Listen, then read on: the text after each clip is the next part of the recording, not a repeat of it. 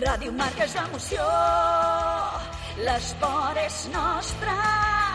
Ràdio Marca és emoció, Ràdio Marca Barcelona 89.1. Ràdio Marca! Tribuna Marca amb Joan Prats.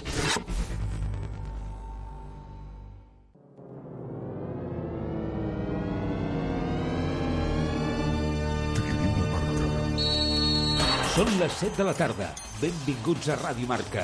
Comença el Tribuna Marca amb un home que li agrada el futbol, estima el ciclisme, s'emociona amb el bàsquet, gaudeix amb el motor, vibra amb el tennis, es diverteix amb la natació i, si li queda temps, juga a les caniques. És Sportsman, és a dir, Joan Prats.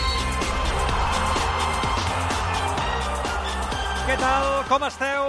Molt bona tarda. Benvinguts un dia més al Tribuna Marca en ple sorteig de la UEFA Champions League, de la fase de grups d'aquesta temporada de la Champions League. Al Barça podem dir que li ha tocat, jo crec sincerament, que el grup de la mort. No volíeu ahir grans rivals per demostrar si el Barça està preparat o no per poder ja lluitar de nou contra els grans d'Europa. Doncs vinga, ja els tenim. El Barça, suposo que ja ho sabeu, ha estat enquadrat amb el Bayern de Múnich, de nou, Bayern de Múnich-Barça, l'Inter de Milà i el Victoria Pilsen, que aquest sí que, evidentment, de l'altre, de l'últim bombo, era l'últim, no?, en aquest, eh, en aquest sentit. Per tant, grup complicat, grup difícil, grup que ara analitzarem, jugadors del Bayern jugadors de l'Inter de Milà, rivals del Barça amb Lewandowski tornant, eh, la primera temporada després de sortir del Bayern de Múnich, tornant a l'Allianz Arena i, per tant, amb aquest enfrontament directe amb Morbo, sens dubte,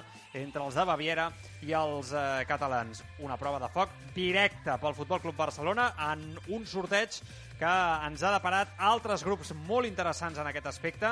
Els anem a repassar tots ells. El grup A, Ajax, Liverpool, Nàpols i Glasgow Rangers. En el grup B ha estat enquadrat l'Atlético de Madrid, juntament amb el Porto, el Bayer Leverkusen i el Brujas. A priori podem dir que, en, per tant, en el grup de l'Atlético jo crec que l'Atlético podria ser el favorit, jo crec que grups assequibles, a dia d'avui ja en el futbol actual ja no es pot dir que hi hagi grups assequibles, però sí que podem dir que l'Atlético, en aquest sentit, ha tingut eh, bona sort. El grup C ja ho hem dit, és on està enquadrat el Barça. En el grup D, Eintracht de Frankfurt, l'actual campió de l'Europa League, Tottenham Hotspur, Sporting de Portugal i Olímpic de Marsella, un grup molt maco de veure per la vistositat també dels eh, equips. Grup E, amb Milan, Chelsea, Salzburg i Dinamo de Zagreb. En el grup F ha estat enquadrat el Real Madrid juntament amb el Leipzig, el Shakhtar Donetsk i el Celtic. Per tant, podem dir que també el Madrid bon grup, eh? el que li ha tocat. El Leipzig ha començat malament la temporada, però a priori és un dels equips que ha d'anar millorant al llarg de l'any, per tant seria el principal rival del Real Madrid, que, insisteixo, ha tingut bona sort. Grup G, déu nhi amb aquest grup també, Manchester City, Sevilla, Borussia Dortmund i Copenhague, el City doncs i el Sevilla que es veuran les cares amb el sempre complicat Borussia Dortmund i competitiu i el grup H també és força interessant. Estan enquadrats el Paris Saint-Germain, la Juventus, el Benfica, que com tot equip portuguès sempre competeix molt bé a Europa, i el Maccabi Haifa, que era una mica l'equip la ventafocs de, de l'últim bombo que volia tothom, però bueno, juntament amb el Victoria Pilsen, que li ha acabat tocant el Futbol Club, eh, Club Barcelona. A priori em sembla que el Barça, s'ha d'acabar de dir tot això, però començarà jugant el dimarts. Però bueno, eh, ara en parlarem i ara intentarem analitzar tots els grups, a veure si em deixen, a, em deixen me'l me deixen en llibertat, eh, el Raül Fuentes, perquè eh, l'Abduint al Tribuna marca quan acabi el programa nacional del sorteig de, de la Champions i podem anar analitzant tots els grups, si no, el que sí que farem nosaltres serà analitzar aquí juntament amb el Marc el Bayern de Múnich, l'Inter i aquest Victoria Pilsen. Però anem a saludar el Marc Truco. Marc, bona tarda, com estàs? Oh, hola. hola, què tal? Bona tarda, bona tarda. No, tarda emocionant, tarda que està bé, ja fa, com, com plou damunt de la gespa, no? que fa que oloreta mullat, fa oloreta Champions. Ara, a veure, eh. així com a l'engròs, l'equip més fa, el grup més fàcil, el del Real Madrid. Els altres podem discutir més o menys per on, per on, per on cauen. Tenen, tenen una una de calenta, però jo crec que... Sí, sí, el Madrid ha tingut molta sort. Una vegada També més, una eh, vegada mi. més. El que passa, el que passa l'Atlético no està especialment fi, no? no comença la temporada sembla especialment fi, llavors, bueno, el Bayer Leverkusen sempre és un equip molt competitiu, el Porto és el campió portuguès, llavors, bueno, pot passar de tot, però sí, estic d'acord que el Madrid és qui, de tots els grans, a veure, estic mirant... Sí.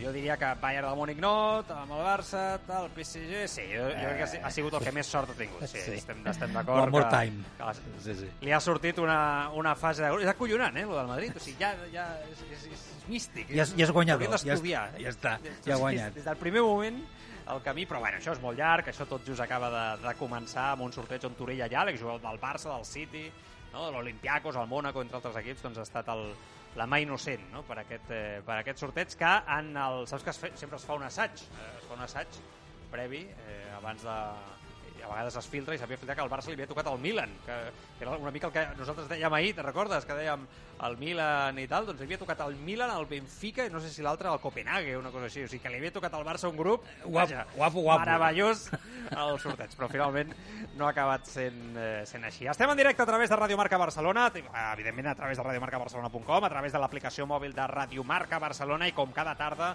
a través de la comunitat del Tribuna, a través del Twitch, eh, twitch.tv barra el Tribuna, ja podeu participar a través del xat i ens dieu a veure què us ha semblat aquest grup. Ja veig allà que esteu aquí tots connectats, eh, el Juanito Guapito, el Marcel Pellejero, el Touromi, el DJ Jols, l'Airbag, eh, el Salva de Terrassa, el KDJNB, el 21 Sheriff, eh, bueno, tots ells allà participant i, bueno, insisteixo, eh, us vull escoltar al respecte de què us ha semblat aquest, eh, aquest sorteig que avui serà protagonista, evidentment, d'aquest eh, Tribuna Marca, però no l'únic protagonista, perquè eh, avui ens preguntarem, perquè crec que hi ha cert debat amb això, farem un cara a cara amb el Josep Pons i el Domènec Garcia, que una temporada més estan amb nosaltres, sobre quina és la posició de Frenkie de Jong. Perquè jo no recordo res igual, eh, a Can Barça.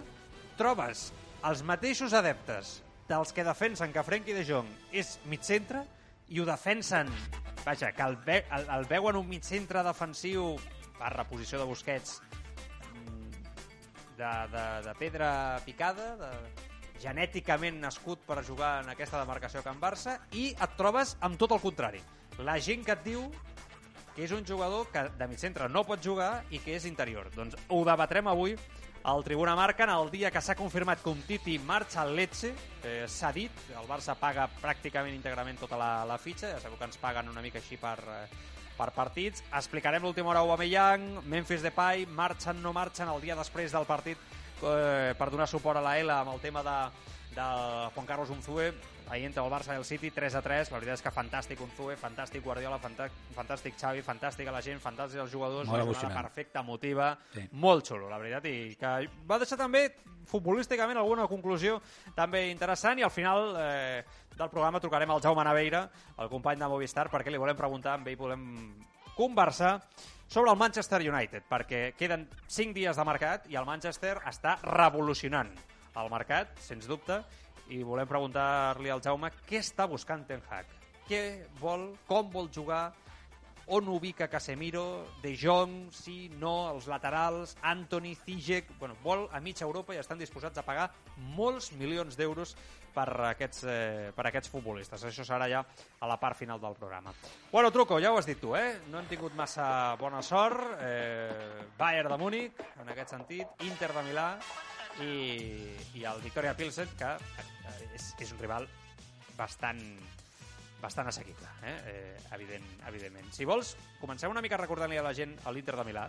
És un, un rival que és veritat que no estaria l'Inter ara mateix entre els 5 millors equips d'Europa, ve de no guanyar la Sèrie A, però sí que és veritat que és un rival que, bueno, top 10, top 12 dels millors equips d'Europa segur, sempre és un equip complicat, amb aquesta defensa de 3 habitual, normalment amb Skriniar, amb, amb De Brick i amb el mateix Bastoni, amb Handanovic, el mític porter, en porteria, al mig del camp amb dos eh, carrilers llargs poden ser Di Marco i Dumfries i pel centre jugant amb Canaloglu, Varela i Brozovic i a dalt amb Lautaro Martínez i la recuperació de, de Lukaku. Aquesta principalment ha estat la principal operació aquest estiu de, de l'Inter de Milà, recuperant a Romelu Lukaku, l'ex del, del Chelsea. Eh, és veritat que també han incorporat a Joaquín Correa, que és aquell mitja punta del Lazio, ex de, del Sevilla. Onana, l'exporter del Barça, categories inferiors, i ex de l'Ajax, ha fitxat per l'Inter de Milà. Suposo que per buscar donar també una mica de sortida a Handanovic, que comença a ser gran. Han fitxat a Asjani, un pivot eh, defensiu, i a Mirte, Mirtitayan, eh, el mitjcentre ofensiu de, de la Roma, que ha fitxat també per, per l'Inter. A priori, una mica manté l'estructura del, dels, últims, eh, dels últims temps, un equip molt laboriós, un equip molt lluitador, entrenat eh, per Simone Inzaghi, un dels mítics italians eh, entrenadors i també exjugador davanter en el, seu, en el seu moment, i el que sabem fa dos anys, el, fa dos, fa dos no? el Barça es va enfrontar amb ells a la Champions, que és un equip sempre, sempre complicat. Vull dir, estem parlant de l'Inter de Milà. Eh, estem parlant de tot un Inter que sempre, insisteixo, lluita. A mi em pregunteu, és millor equip avui al dia el Barça que l'Inter? Jo us diria que sí, per talent individual, però em sembla que el Barça està menys fet que l'Inter. Menys fet, que sí, sí. Ah. sí. És el problema del Barça aquest any, eh? En general. Ah, Ah, clar, que trobar-se... Però és una prova de foc, eh? Enfrontar-te a aquests No, equips ah, que perdona. estan més fets que tu. Sí, però és que aquest grup, què ahir, ahir? ahir que molta gent treia pit, no, no, no, uh, rivals d'envergadura, rivals que no sigui... No, bueno, doncs el grup aquest és perquè el Barça demostri eh, lo, lo que vale un Ah. peiner enfrontant-se a aquests... Eh, per començar amb l'Inter... La, pro, la prova al davant, la prova endavant, no? vull dir, el, la prova de que pots donar un pas endavant, que no m'explico, no sé parlar ja. O sigui, el, el pas endavant, vull dir, eh, precisament ara ja tens la prova per poder donar aquest pas. Tens a un Inter de Milà, que segurament l'any passat era superior a tu, i, i tens un Bayern de Múnich que sens dubte està entre els quatre millors equips d'Europa i que els últims anys, doncs, eh, 2 a 8, eh, l'any passat a la fase de grups també el Barça el va fer patir, vull dir, és un equip que els últims anys ha fet patir al Barça, bueno, i a sobre amb Lewandowski pel mig, no? El factor Lewandowski a veure com condiciona o no. Precisament, si vols, anem amb aquest Bayern de, de Múnich, un dels millors equips de, de- d'Europa, com dic, eh, no hi ha cap mena de dubte. Han perdut a Lewandowski, han perdut a Niklas Sule, hi ha hagut canvis, eh, el Bayern de Múnich en, aquesta, en aquest estiu, eh, que ha fitxat pel Borussia Dortmund, eh, Nianzú, el defensa central que ha fitxat pel, eh, pel Sevilla, Tolisso, que s'ha anat a l'Olímpic de Lió, o, per exemple, eh, Marroca, que ha fitxat pel Leeds United, i a més està jugant al català bastant. Entrenat pel Julian Nagelsmann, que és aquest entrenador jove de 35 anys que eh, volia jugar a la porta. Eh, Recordeu que eh, ja es va explicar no? que la porta era aquest entrenador el que volia en el seu moment, el gran dominador de la Bundesliga, i que com a principals fitxatges, més enllà de perdre Robert Lewandowski, ha fitxat a Sadio Mané per 32 milions eh, d'euros, el boníssim extrem, però que està jugant de fals davanter centre del Liverpool. Han fitxat a Matis Delia, aquell central holandès que el Barça va voler en el seu dia juntament amb De Jong, que estava a la Juventus i que l'ha fitxat ara al Bayern de Múnich per 67 milions d'euros. A Ryan Gravenberg, de l'Ajax, 18 milions d'euros, un mig centre boníssim. A Mazraoui, que era aquell lateral dret que també volia el Barça, no? I que ha acabat doncs, al Bayern de Múnich. I un altre davanter centre del Rennes, Mi, Mitastel, eh, que l'ha fitxat doncs, el, el Bayern, són els principals, principals moviments. Eh, jugant amb aquest 4-3-3 o 4-4-2, canviant una miqueta depenent del, del sistema, però sí que és veritat que en els últims partits, més amb 4-3-3, amb fals davanter, davanter centre, amb Neuer en porteria, que és lo habitual, amb Pavard, que és aquest lateral dret boníssim internacional en França, Upamecano i Delit estan començant a ser, a imposar-se per ser la parella de, de centrals, amb Hernández al lateral esquerre, Kimmich i Savitzer i Savitzer com a doble pivot amb Coman, Sané, Mané, Müller jugant, insisteixo, entre aquest 4-4-2, 4-3-3 en atac, 4-4-2 potser més, més de defensiu, però el que està clar és que Mané, que l'altre dia va fer un parell de gols i que està sent molt protagonista, és la principal amenaça ofensiva, amb, evidentment, amb un Sané que està trobant últimament la regularitat i un Müller que, que sempre és perillós, Coman boníssim, bueno, i una plantilla que està eh, plena, plena, absolutament de plena de talent. Vull dir, és que eh, Musiala s'està literalment eh, sortint, és un jugador extraordinari, Jamal Musiala, que està jugant també habitualment als últims partits i que és una de les joves joies d'Europa, 19 anys i boníssim eh, futbolista, eh, però tenen altres jugadors, el propi Nabri, que clar, és que la plantilla del... vas dient nom per nom eh, eh, és que acollona, literalment. I Leon Goretza, no? un jugador que està lesionat ara però que també ha sigut molt protagonista les últimes temporades. Alfonso Davis, a lateral esquerre, boníssim també. Vull dir, és que clar, és que, insisteixo, al final és, és un equip que, que té les posicions doblades amb un nivell de qualitat i el que és més important, que és que porta molts anys jugant de la mateixa manera, amb un, eh, amb un ritme habitual i que els alemanys sempre són, doncs això, molt, molt contundents, no? molt, molt forts, molt, molt competitius i que realment Truco pues, a veure, a dia d'avui eh, és veritat que el Barça està competint, que el Barça està millorant, però és la gran prova de foc. Vull dir, a l'Inter de Milà jo crec que el Barça pot estar allà, allà, no? i fins i tot eh, pot ser superior, però el Bayern de Múnich, bueno, pues, No, indiscutiblement, en a dia aquesta... d'avui és superior al Barça, Per, això s'ha de dir per clarament. descomptat, per descomptat. Si és que Eh, hem hem de veure, eh, a veure què. No? Hem de veure, a veure què. Sí. M'ha sonat- m'ha sonat una mica a collone, eh? Això de... No, a veure, jo crec que hem de ser conscients que a dia d'avui el Exacte. Bayern de Múnich, tot el creixement del Barça, és millor equip. Llavors tu has d'anar a competir al 100%. Jo crec que si el Barça competeix davant del Bayern serà un pas endavant. És que hem de ser realistes. En les- en l'eliminatòria i en la fase de grups ha sigut el Barça humiliat els últims anys amb el Bayern. No ha competit. Però jo crec que aquest ha de ser l'objectiu, ni més ni menys. Mm, ja sé que sortiran els, els, els sempre negativo, sempre negativo, nunca No, positivo, però...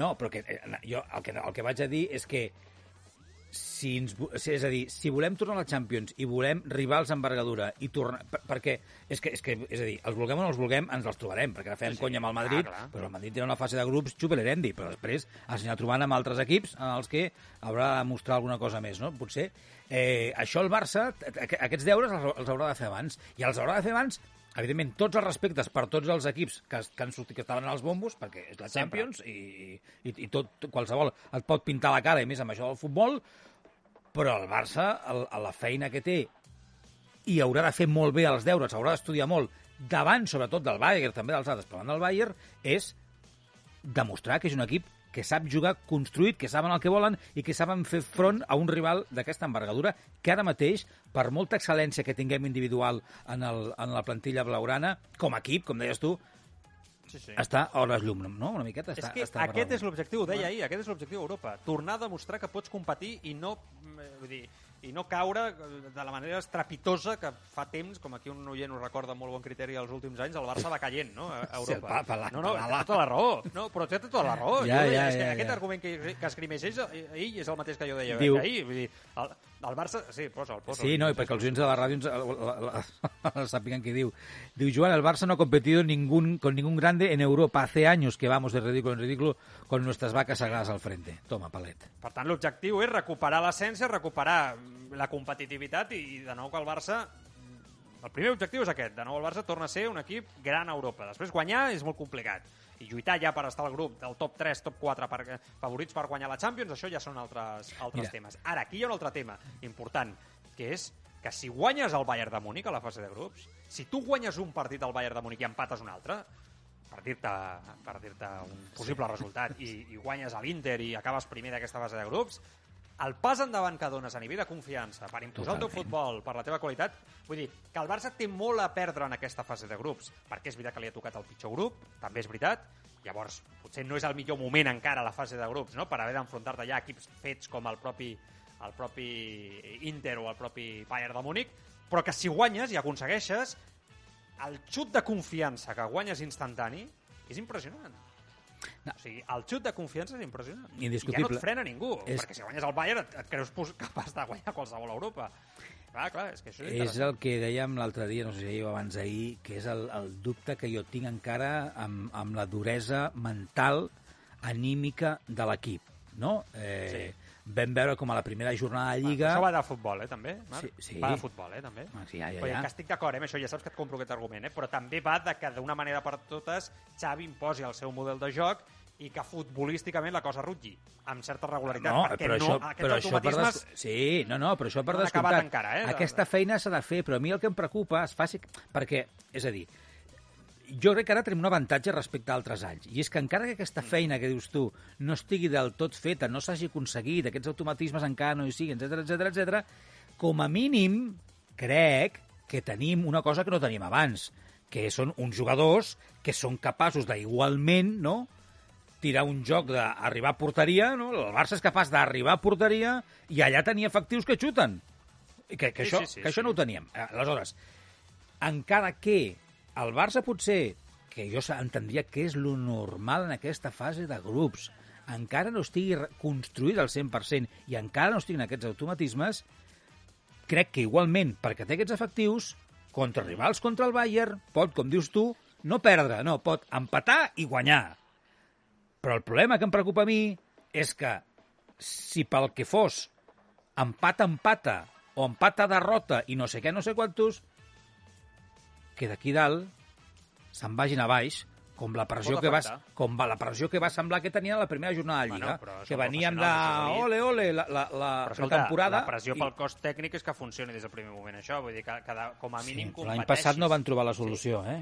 Ja, no, però l'any passat la plantilla era molt menor i, i molt Ai, diferent ai, ai, la situació d'ara, que comences ja amb un cost tècnic des del principi, que, que té apostes per ell 100%. Vull dir, la situació és completament diferent. Això s'ha de, també de, de tenir en compte, però sí que és cert que si aquest equip no competeix amb Inter i Bayern és un fracàs absolut per mi, tenint en compte el que has fitxat i el nivell de la plantilla. Ah, Una altra cosa és que després acabis com a primer de grup. Això és una altra cosa. Ah. Però que si Mira, no deia- passa, jo, per mi és un fracàs. Ho deia, un fracàs. ho deia aquí fa una estona, el Togromi, deia, lo que no puede ser es que el Bayern nos aplaste a medio gas.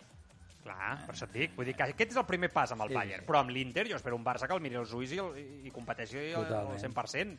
No, eh, eh, bueno, el Bayern, insisteixo, és una altra cosa. Ara, ara llegim missatges primer, acabem d'analitzar els altres grups, eh, però una cosa, molt ràpida. Ai, Alexia Putellas acaba de repetir com a millor, millor, millor jugadora de l'any eh, de la UEFA, ho acaba d'anunciar la, la UEFA. Ha designat a la jugadora Alexia Putellas com la millor jugadora de l'any per segona temporada consecutiva. Ha estat la millor futbolista europea, tot i haver perdut eh, l'Eurocopa, que se la va perdre per lesió, que ara està recuperant. Per tant, ens alegrem i la, i la felicitem, sens dubte, des de- des d'aquí. I el misteri del, del tema del calendari, perquè és que això de la UEFA és acollonant, eh? Que, o sigui, us he dit jo, suposo que el Barça, com està la, amb els primers quatre, les primeres quatre lletres, normalment aquests són els que comencen el dimarts, però, bueno, no se sap, perquè eh, ara eh, sabem els grups, però no sabem les dates. És que és increïble, eh, de veritat, eh, és, és increïble. Sembla que tenen intenció d'esperar fins al dissabte per determinar el calendari exacte dels eh, partits, perquè estan pendents encara de, de, del tema de les eh, coincidències en, en grans ciutats, amb altres partits d'Europa League i Conference League, i llavors ells estan pendents d'això. Ah, jo crec que anem un pèl justets, però bueno, en qualsevol cas, eh, suposo que la UEFA ja sabrà el que, el que fa, però sí que veig que cada temporada apuren més, no, Truco, amb, amb aquests aspectes, no? amb el tema de amb el tema dels calendaris i no sé, no sé. Home, la sensació, i això, que, i això que nosaltres no viatgem, no som, no, eh, no som per, la, no, per la nostra els feina... sinó per la logística dels aficionats. Sí, això anava a dir, però els aficionats que viatgen i tot això, clar, és que... És a dir, sa, eh, sa, sabem, la, sabem les jornades, sabem les setmanes, però no sabrem encara el dia de la setmana i l'horari fins, No, no, la, no, una bajanada, fins la setmana abans o dues setmanes abans. És un clubs. És una bajanada. propòsit, sí. Bueno, uh, Victoria Pilsen, l'altre rival que ens queda, no?, per No. analitzar, i ara que parlen els oients, tot, tot meu, no, Truco? Tot meu. No, no, la victòria a mi cau molt simpàtica, sí, sí. I la cervesa, aquí diu algun jugador, algun oient, la cervesa Pilsen, boníssima. Boníssima, boníssima. Bueno, ja ho sabeu, conjunt de la República Txeca, eh, pressupost justet, 24 milions. Eh, jo, sincerament, no us puc explicar massa sobre, sobre aquest equip. Crec que jo ni pràcticament eh, ningú no, al, al respecte, perquè és un conjunt molt desconegut. Eh, al respecte, veig que juguen amb un sistema de 4-2-3-1 mm, que es va classificar per la UEFA Champions League venint de la fase de classificació guanyant el Karabakh per dos gols a, dos gols a un i que han incorporat, eh, per exemple, a Jan Climent, eh, que porta dos, eh, dos gols i que és eh, precisament la incorporació més, eh, més destacada. Eh, però insisteixo, poca cosa més, aquest davanter que va estar a l'Stuttgart i, que, i que ve del Wisla Cracòvia. bueno, a priori, hem de ser sincers, no hem de tampoc ca- caure ara aquí al programa a començar a dir noms, no? jo crec que és un equip d'un nivell molt baix. No sé si de tots els que estaven allà era la, el pitjor, perquè segurament el Maccabi Haifa té un nivell encara més baix, però potser era el segon, el Victoria Pilsen, no? Jo crec que el Rangers, el Brujas, el propi Celtic, el Dinamo de Zagreb, el Marsella, que estaven en aquest bombo, el Copenhague, tots eren millors equips que, que el Victoria Pilsen. Per tant, jo crec que en aquest sentit, com a mínim, truco a l'últim bombo, el Barça ha tingut certa sort, perquè imagina que, que a sobre afegeixes a un equip competitiu com el, no, el Marsella.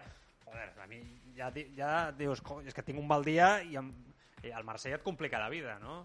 A veure, Eh, per tant, jo, jo crec que és un grup equilibrat des del punt de vista del Barça. L'últim equip és molt assequible. Des del punt de vista del Victoria Pilsen, doncs no està, no, Molt assequible. no està tan equilibrat. Però jo crec que és, hi ha un cert equilibri. Hi ha altres grups que, és, que jo crec que, que és pitjor, com el, el del Madrid, no? que és un camp de, de, de roses, i altres que, que són arestes, totes elles, no?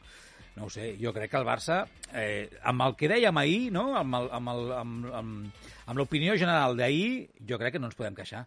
Tenim un grup per disfrutar, per veure bon futbol per emocionar, i, i per emocionar-nos perquè estarem a la fase de grup lluitant contra equips que, que són referència, que saben jugar a futbol.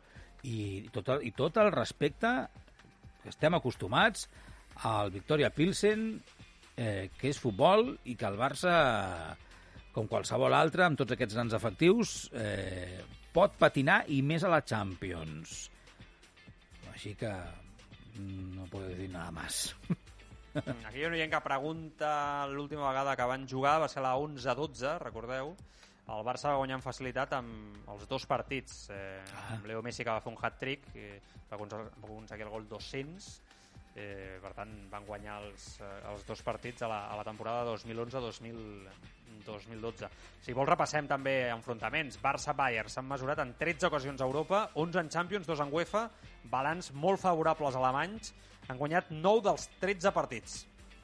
Eh, dos empats i només dues victòries al Barça, les dues al Camp Nou, amb Guardiola i Luis Enrique com a entrenadors. Els últims quatre enfrontaments els han guanyat els de Baviera, entre ells el 2 a 8 de Lisboa i els dos partits de la temporada passada, 0-3 al Camp Nou, 3-0 a Munic.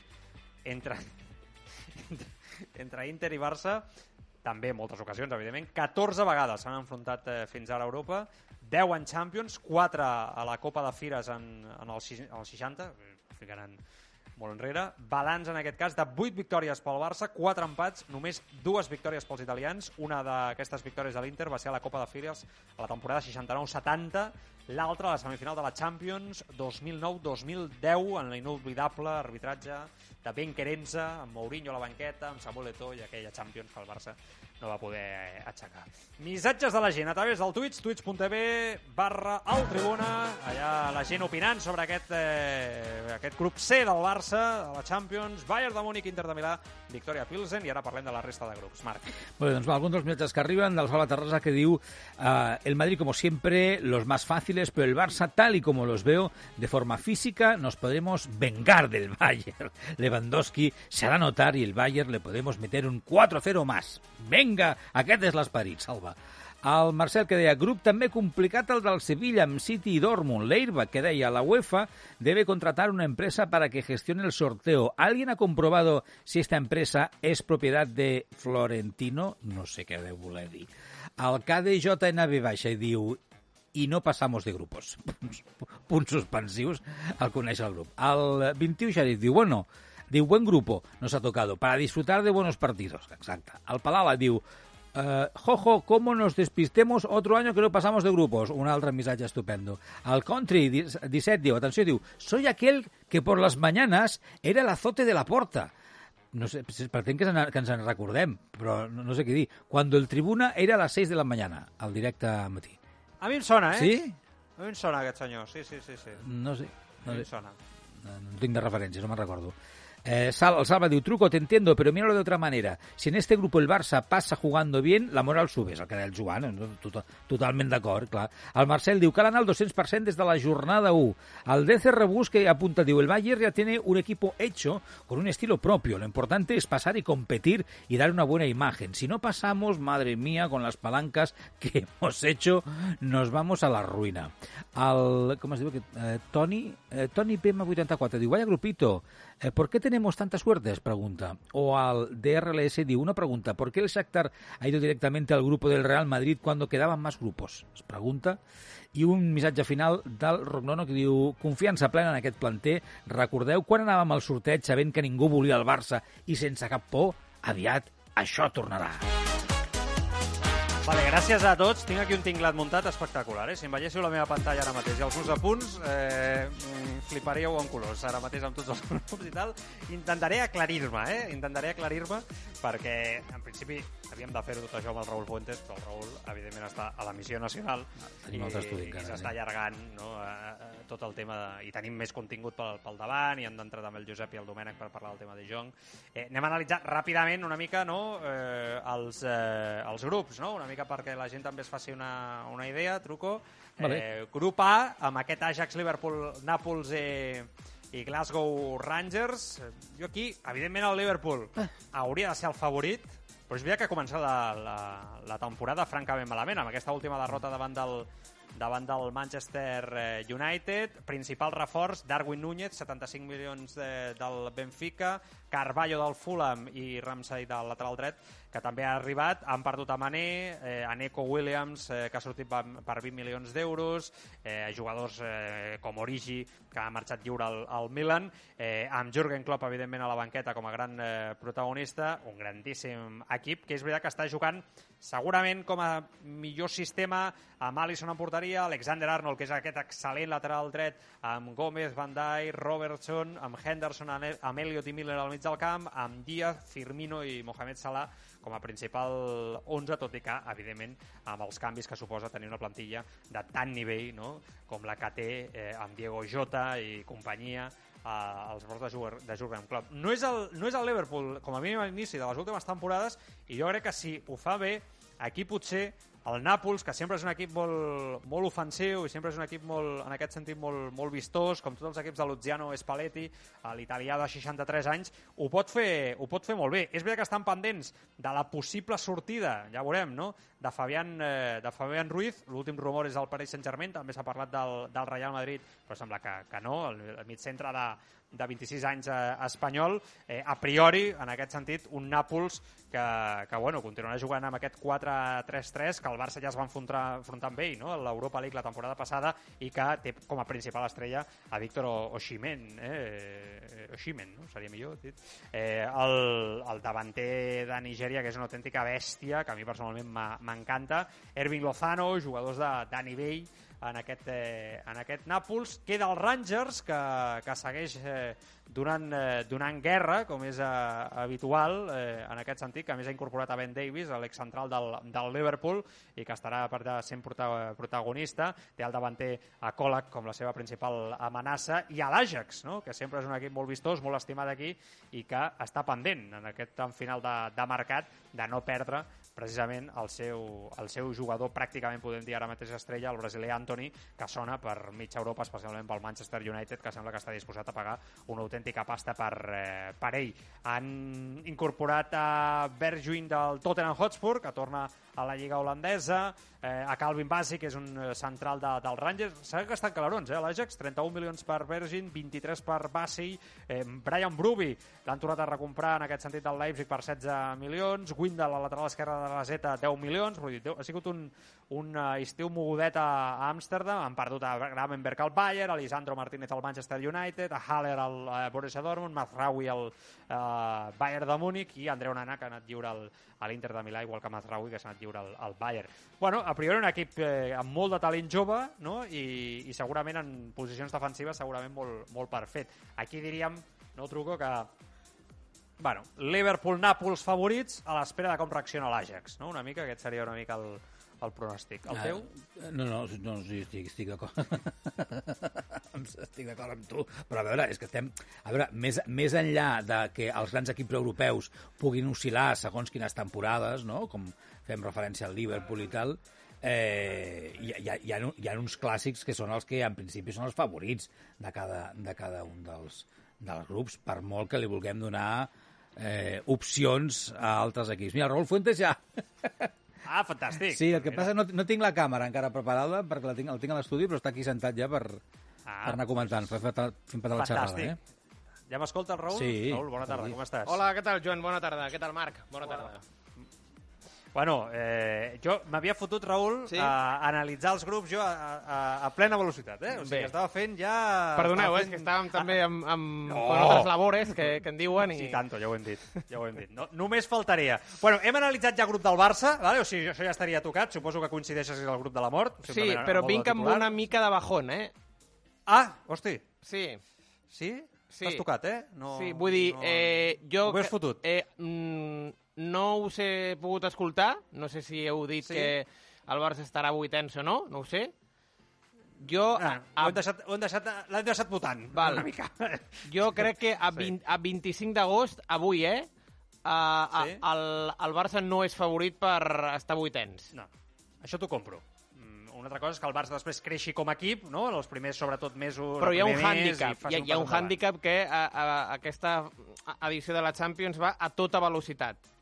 És a dir, el 2 de novembre, i he estat analitzant el calendari, eh, Mm. vaig una mica més enllà, eh? Raül, vés-te, no cal... No, mira, Sí, ja, no, T'agraeixo que hagis vingut, però No, m'està entrant Els oients del depressió. Twitch ara mateix estan ja deprimits, Sí, eh? no, O sigui, ja no dic, però, però d'aquí al, al 2 de novembre, que és quan acaba la fase de grups de la Champions, al Barça li toca visitar, evidentment, Múnich, eh, el camp de l'Inter, el Pizjuán, el Bernabéu i Mestalla. Vale. Vull dir que, que clar, eh, eh, entre Lliga, no? Perquè, clar, el, les setmanes Lliga Champions, Champions Lliga, jo crec que això també afectarà. Evidentment, al Bayern sí, i a l'Inter i al Victoria Pelsen també. Però, però jo, a 25 d'agost, tal i com veig ara, és a dir, li arriba un pèl aviat a aquest nou Barça, a aquest grup. Sí, sí. És una prova de foc majúscula. Ara, mirem la part bona, Raül, el que dèiem abans. Si superes aquesta fase de grups No, clar. i fas bons partits amb Bayern de Múnich o Inter, no hi ha aquest pari. Vull dir, eh, després eh, et veus capaç de guanyar qualsevol Sí. rival. Bueno, Anem a veure la part positiva, no? Pararà l'aturada del Mundial perquè del novembre al febrer van 4 mesos. eh, no, és que eh, poca broma, perquè del novembre al febrer són 4 mesos que no hi haurà Champions. Però, però és evident que si superes Bayern i, i Inter eh, arri arribes a, a plenes facultats a, a l'encreuament de vuitens de final. És que és un any molt raret, eh? Això també s'ha de dir, eh? En general és un any molt estrany i que el Mundial aquest pel mig ho pot condicionar absolutament tot i, bueno, potser tenim sorpreses en aquest sentit. Bueno, doncs ja heu escoltat el Raúl Fuentes, eh? eh ell ho té, ho té clar, segurament molt més clar no? de, que nosaltres en aquest sentit, eh, un punt més negatiu no? al respecte del sorteig de, del Barça. Hi ha un oient que et diu, Raül, Sí. Eh, bueno, hi ha un que et diu, vete a la mierda, eh, en plan, eh, perquè, però de bones, eh, t'ho diu de bones, eh, rient, com dient. Jo estava deprimido ya, me acabo de suicidar ya escuchándote, no? Però, però hi, ha, hi ha un altre que diu, para eso tenemos una plantilla amplia, Raül. Clar, vull dir, és veritat que el Barça ha millorat en aquest sentit el fons de plantilla, això Sí. és cert, a l'espera del que pugui passar en cinc dies, clar. Clar, és que també vull veure com, com va aquesta setmana. Ja. Fins l'1 de setembre, perquè jo també ja et dic que m'espero de tot, eh, aquesta setmana, a Can Barça. Sí, sí, sí, sí. Sí, sí, sí. A mi m'espera el podcast de Marca Mercado també eh, amb mil retocs fins a última hora. Eh, Truco, a nivell d'edició, em sembla que el de la setmana vinent eh, aquest el patirem, eh? eh aquest, el, aquest Marca Mercado. El d'aquesta setmana vols dir? eh, La setmana que ve? No, el de, no, no, aquesta encara... Ah. L'últim, L'últim, l'últim, Amb el tancament ja, ja, ja definitiu. No, el que surt demà no, no crec que faci res. Bueno, uh, anem grup per grup. Jo, jo el grup A ja l'he ja tocat, Raül, jo crec que ja més o menys hem explicat. Anem al grup B. Jo, jo deia abans Atlético de Madrid, Porto, Bayern Leverkusen, Brujas, que l'Atlético, escolta, a priori jo, jo crec que és un bon grup. Si l'Atlético recupera mínimament el nivell, eh, bueno, a priori és superior a Porto, Bayern Leverkusen, tot i que els tres equips, també el Brujas, amb Ferran Jugla pel mig, són tres equips que competeixen molt bé, Raül. Eh? Sí, sí, sí, bueno, ha començat molt bé el, el Bruixes amb un sí. Ferran Jutglar que, que està enorme, a 3 gols, 5 assistències. Eh, amb l'Atlético a mi em passa una cosa que, que té plantilla per ser primer de grup, però eh, no aquest sí. any, sinó l'anterior i l'anterior Ja. i l'anterior, però sempre es complica, sempre es complica i a mi no m'estranyaria que eh, el Porto, que ha perdut també mm -hmm. jugadors interessants en, en aquest mercat eh, estiuenc, eh, es tenen ganes. Van coincidir la temporada anterior, recordaràs, amb el mateix grup, van haver-hi també eh, tant ganes, tant eh, al Metropolitano com sobretot al, al Dragao, on l'Atlético va haver d'anar a Portugal a, a, a, a guanyar per, per estar a vuitens de final, i jo crec que li serà complicat a l'Atlético, crec que estarà a vuitens de final, però haurà de lluitar molt per ser primer. Ja, Ja, eh, és possible, eh?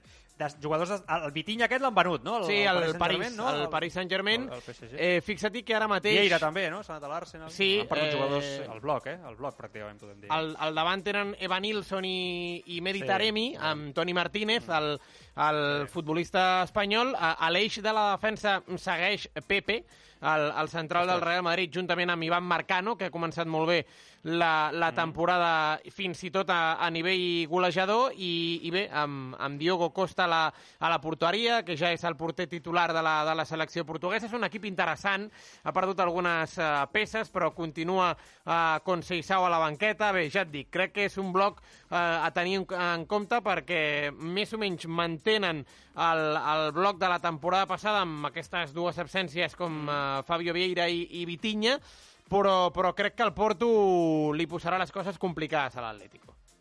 Sí, sí, no, i que a més els portuguesos històricament sempre competeixen molt bé. Són equips acostumats a perdre estrelles pràcticament cada any, no? I jugadors joves de moltíssim talent i que després eh, competeixen. El tema del Bayer Leverkusen eh, també és un altre dels històrics que, tot i que no dona el pas no? per, per, per ser un dels grans, sempre està allà, no? Com a Sí. bon equip eh, eh, alemany. Eh, tot i que no sé, no, no, no, no el veig.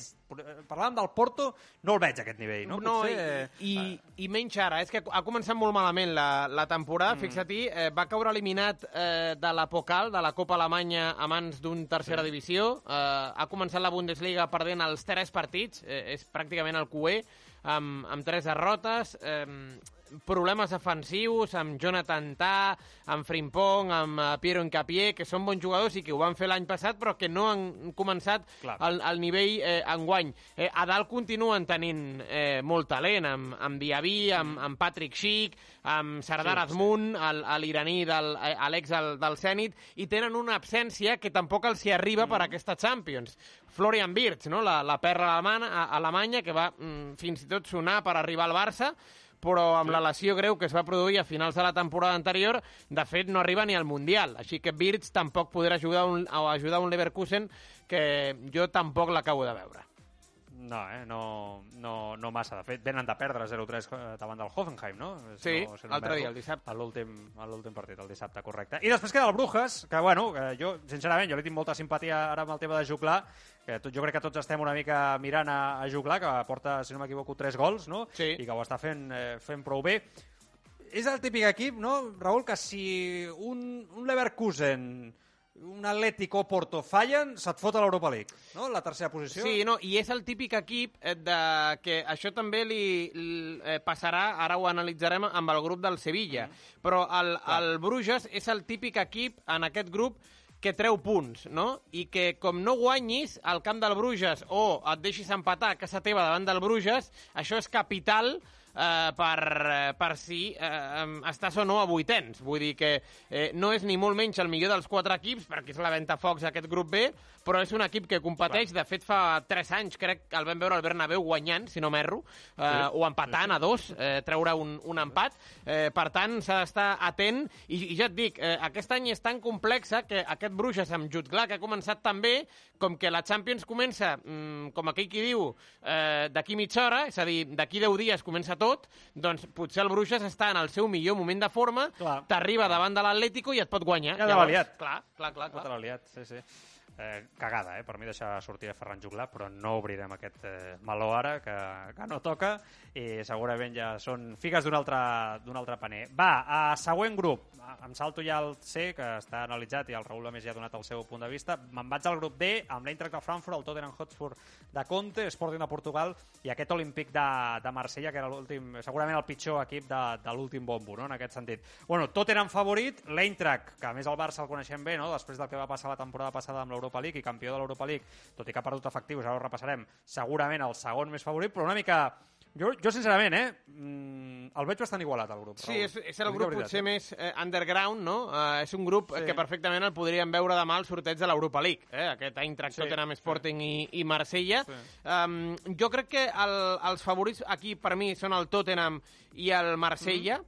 Mm-hmm. I Marsella, eh? Sí, crec que sí. Uh, crec que l'equip de- d'Igor Tudores eh, també podria ser, el dono jo com a favorit, vaja per ser uh Ahà. segon, segon de grup. El Tottenham indiscutible, crec que Antonio Conte eh, ha formalitzat una, una molt bona plantilla. S'ha quedat Harry Kane, Heung-Min crec que Kulusevski creixerà aquest any uh, al, al Hotspur Stadium, amb, amb Perisic, amb Richarlison, veurem quins minuts de qualitat o no té Clement Lenglet, el futbolista francès cedit pel Barça, però, però vaja, eh, veig el, el Tottenham una mica superior amb respecte a Marsella Sporting i Eintracht.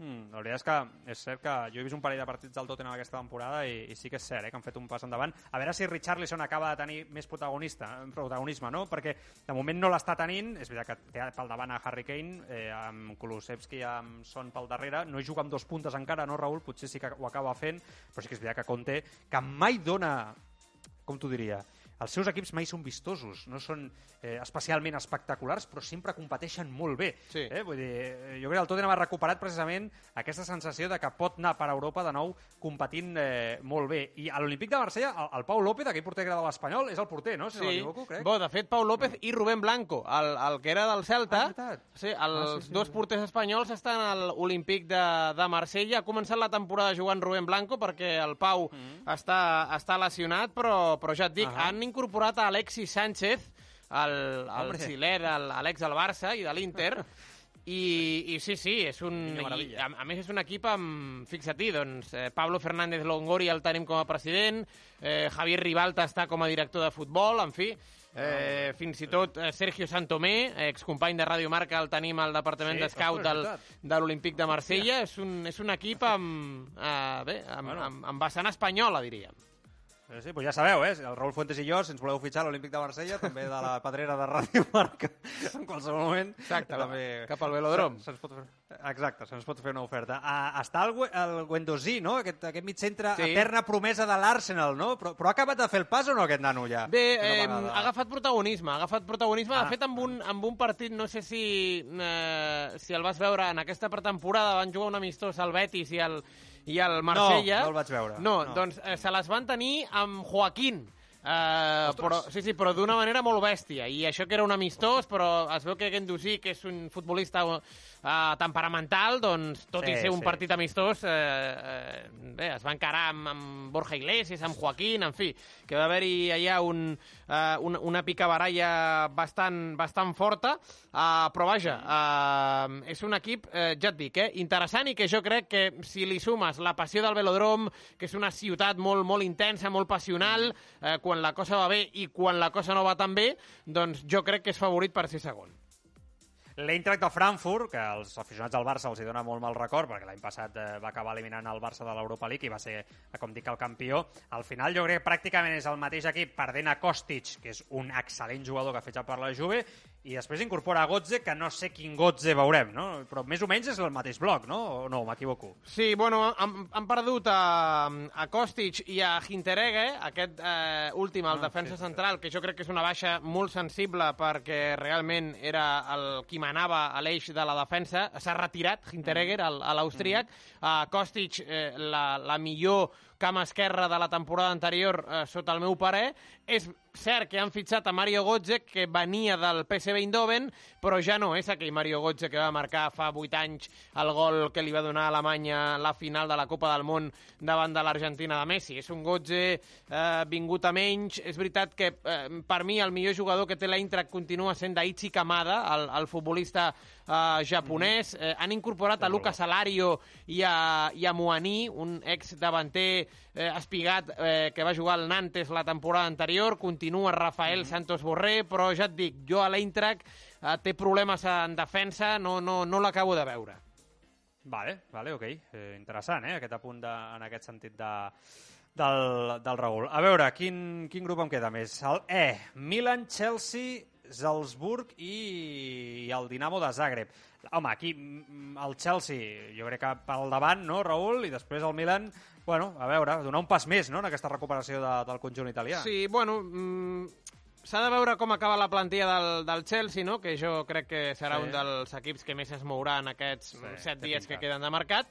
Eh, jo dono favorit al, al Chelsea i al Milan, sí, aquí per arribar a vuitens de final. Crec que el Milan, tot i ser campió d'Itàlia, eh, tampoc és que eh, el, el veig molt favorit en aquest grup, perquè és un equip mm. que, bueno, eh, que va guanyar la Sèrie A amb un mèrit espaterrant, però que tu mires la plantilla i tampoc és que tingui eh, un crac no. així, no? Rafael Leao, sí, que ho va fer molt Leao, bé. sí. Sí, el, el portuguès, han fitxat a, a De Ketelaer, una jove perla del, del Bruges, precisament, i que jo crec que ho farà bastant bé, i arran d'això, doncs bé, tenen Tonali i Benacer al centre del camp, amb uh, Tomori i Kalulu a l'eix central, amb Teo Hernández, que per mi és un jugador uh, fonamental a, a l'esquema Sí, de, de, de Pioli, amb Mañana a la porteria, en fi, és un molt bon equip, però jo crec que Brahim, està no? per sota de, del Chelsea.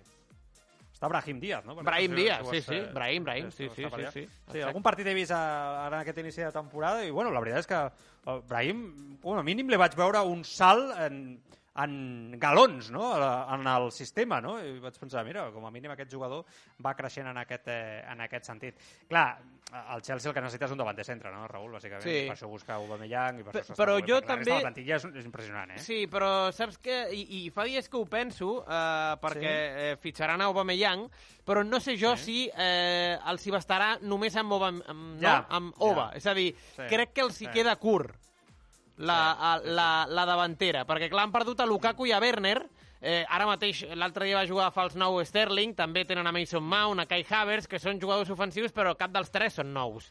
I si m'apures no. Aubameyang, tampoc és que sigui nou-nou, perquè bé, és un jugador no, que et pot jugar a banda, Sí, sí, uh, però ja et totalment. dic, eh, si el Chelsea vol aspirar a tot, no? a ser campió d'Europa com fa un parell d'anys Mm. i, i a intentar guanyar la Premier, per què no? Uh, jo crec que, tot i fitxar Aubameyang, com que li queda un pèl curt a la davantera. Clar.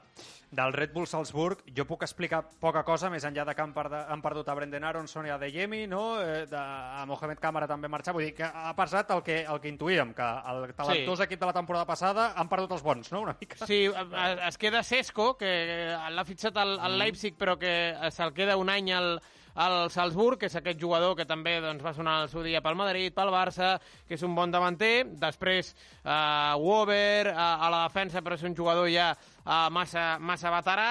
Uh, bé, eh, és, és el típic equip que, que segurament eh, li traurà punts eh, al, al Chelsea i al Milan perquè eh, jugadors que ara mateix una mica mm, desconeix el, el públic en general, et sorprendran en aquests partits de la Champions i segurament, sobretot a territori austríac, doncs posaran les coses molt complicades.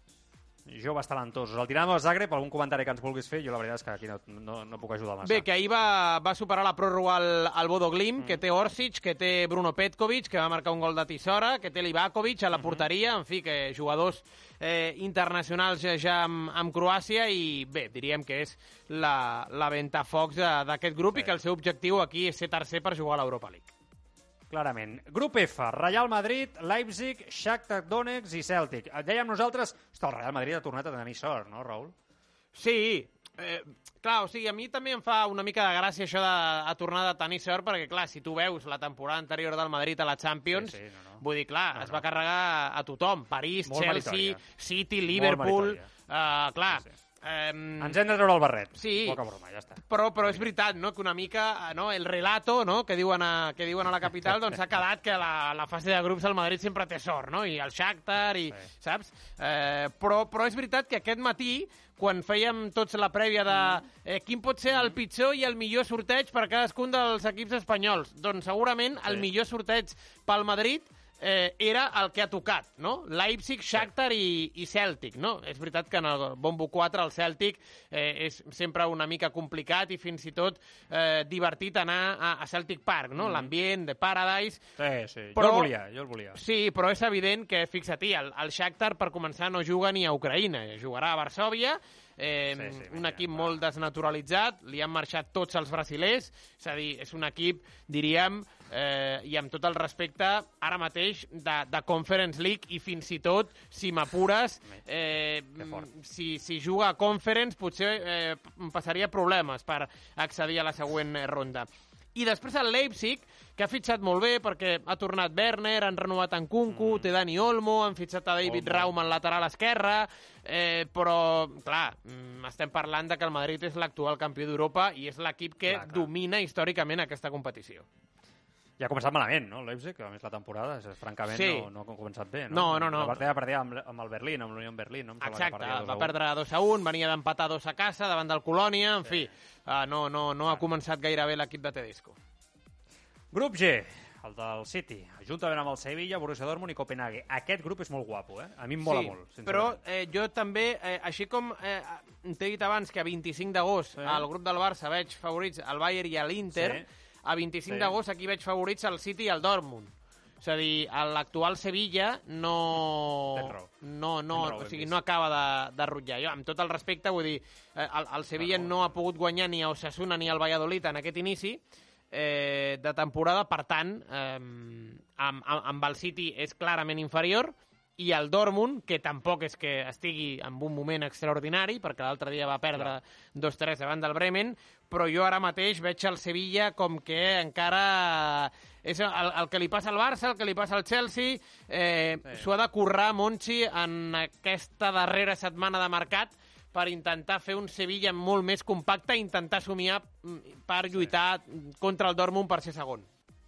Estic d'acord, estic clarament d'acord. El Copenhague, compte, eh? és un equip eh, ben treballat, Sí. laboriós, farragós, lluitador. Aquest, si li deixes una, una miqueta no, de lloc, aquest eh, se't fot fins al menjador de casa. Sí, Eh? i, i, i han fitxat bé, eh? han fitxat bé perquè aprofitant el tema de la temporada passada, per exemple, de la Lliga Russa, eh, han fitxat Sí. a Víctor Claesson, que és un jugador a banda dreta, l'ex del Krasnodar, que ha, ha començat com un tro la temporada, 5 gols, tenen a Pep Biel, eh, que és un jugador balear, ex del Saragossa, ja fa anys que està al Copenhague jugant de fals nou en el seu millor moment de la temporada, i, i fixa't que està en, en tan bon moment que fins i tot diuen mm. que a veure si el poden retenir a, al Parken, a Pep Biel. És a dir, que té números per uh, sortir. Han, han fitxat a Matt Ryan, el porter australià de la Reial Societat. Home. Sí, doncs ahir, ahir va ser clau per aquest eh, Tramsport 0, Copenhague 0, que li va donar la, la classificació al, al conjunt danès. Uh, tenen bo. també a, a Denis Babro, que és un central que el vam veure aquí a l'Osca, a la Lliga Espanyola, ex de la Lazio. En fi, que, que, que tenen jugadors que, com dèiem amb el Bruges, el Copenhague en aquest grup és l'equip clau per entendre, eh, per exemple, si el Sevilla pot anar o no Clar. a vuitens de final. Perquè Clar, perfectament clar, el Sevilla pot anar al Parken i, i deixar-se un empat. O també, en aquest cas... letal per ells. Exacte. I en aquest cas, el, eh, el calendari, en aquest grup, jo pel Sevilla el veig molt important. És a dir, eh, ara que s'està coent el calendari, no sé, eh, Mm, ha, ha de sí. sortir, perquè... Com a màxim dissabte, ha dit la sí, UEFA, que sí, sortiria. sí, o sigui, com a, entre aquesta nit i dissabte al matí. Però si, per Vaja. exemple, el Sevilla doncs, comença la, mm, la primera jornada rebent el Pizjuán al Copenhague, clar, no és el mateix que anar a l'Etihad No. i, rebe, i eh, reps a, després al Dortmund, no? Doncs mira, Clar, si el Sevilla rep el Copenhague i el Pizjuán, compte que aquí el grup ja potser ja canvia una mica. Per suposat. I queda el grup H, Raül. El Paris Saint-Germain Juventus, molt interessant aquest duel, sens dubte, Benfica i Maccabi Haifa. Mira, jo aquí, eh, amb els companys de Madrid, ara he dit que eh, veig favorit amb aquest grup el Paris Saint-Germain per quedar primer, Uh -huh. però eh, per quedar segon el Benfica. Eh, Per sobre de la Juve, eh? Sí, Si confirmes una mica la reconstrucció de la Juventus, eh? sí. Eh, de fet, mira, he tingut la, la possibilitat de, de, de, de veure tant l'anada com la tornada del Dinamo de Kiev-Benfica, i és veritat, perquè el Benfica ve de la prèvia, i m'ha agradat molt el Benfica. Han fitxat un molt bon entrenador, Roger Smith, eh, David Sí, Neres, el, el brasiler ex de l'Ajax, està al Benfica. És cert que li ha marxat Darwin Núñez i que és una absència eh, Dura. eh, molt dura, però tenen un jove davanter que se'n parlarà i se n'està parlant, Gonzalo Ramos, eh, Mhm. Rafa Silva, en fi, Enzo Fernández, el mig centre ex de River, l'argentí, eh, Otamendi és capità general a la defensa, Gilberto és un molt bon lateral dret, eh, continua Grimaldo, que és aquest jugador valencià ex del Barça, que Important cada que s'hagi estiu quedat, sí, està eh, en peu i mig fora del Benfica perquè rep ofertes d'Espanya, d'Itàlia, d'Anglaterra, però sempre es queda al Benfica. Continua Grimaldo, setena temporada ja a Lisboa, i per tant, eh, Blahodimos, que és un eh, molt bon porter, el grec, per tant, jo el Benfica el veig fins i tot mm, que li pot plantar Ah. cara a la Juve, a una Juve que s'està reconstruint. Sens dubte. A veure fins on arriba el Paris Saint-Germain, no? Aquest és un dels grans dubtes un any més, no? Amb aquesta... És veritat que ha canviat, eh, el PSG, no, no, no sembla... Ha canviat una mica de perfil, no? Eh, volen transmetre un missatge, com a mínim, diferent, no? De que treballen més el grup, l'equip, el conjunt, no? Les, eh, eh, les estructures, més que simplement un conjunt de noms, d'estrelles que s'alineen i que han de guanyar la Champions sí o sí, perquè si no és un fracàs. Aquesta sensació de les últimes temporades, no, Raül? Sí, a més, jo estic convençut, eh, no sé què passarà eh, amb la temporada del París, però crec que d'aquí a novembre eh, mm, serà un equipàs. Vull dir, eh, Neymar, Messi i Mbappé, que eh, tots tres individualment estan pensant en el Mundial, per arribar als sí. tres bé al Mundial, eh, crec que oferiran, i de fet ja ho estan oferint, el seu millor eh, nivell amb el París. I això, evidentment, eh, sortirà beneficiat al, al grup. I, a més, mm, sembla que han trobat un molt bon gestor a la banqueta, Galtier, que a més ha canviat el sistema, que eh, han cabit a Ramos, que ha agafat protagonisme juntament amb Kimpembe i Marquinhos, que són els tres que eh, defensen, després dos carrilers llargs, eh, Hakimi per dreta i Nuno Mendes per esquerra, amb Vitinha i Berratti al centre del camp, i després aquest canvi de sistema, no? Llibertat total per Mbappé, i ha ficat a Messi i a Neymar per darrere, i a partir d'aquí, doncs, evidentment, els tres a un excel·lent nivell, doncs, crec sincerament que el Paris Saint-Germain, eh, potser al gener, doncs, i quan arribi als vuitens de final, eh, torni la crisi, tal, etc una altra vegada. Però d'aquí al novembre, crec que el París serà un dels millors equips d'Europa. Molt bé.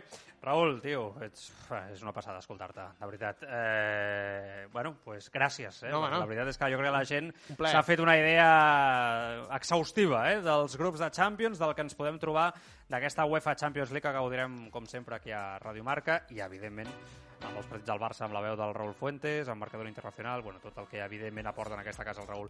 Raül, tenim un pendent un dinar, eh? Ah, exacte, Eh, exacte. Quan vulgui, Joan. Això queda, queda pendent, eh? A veure si Una abraçada ben forta, algun crac. dia. cuida't Una abraçada, Joan. Exacte. Adéu-siau.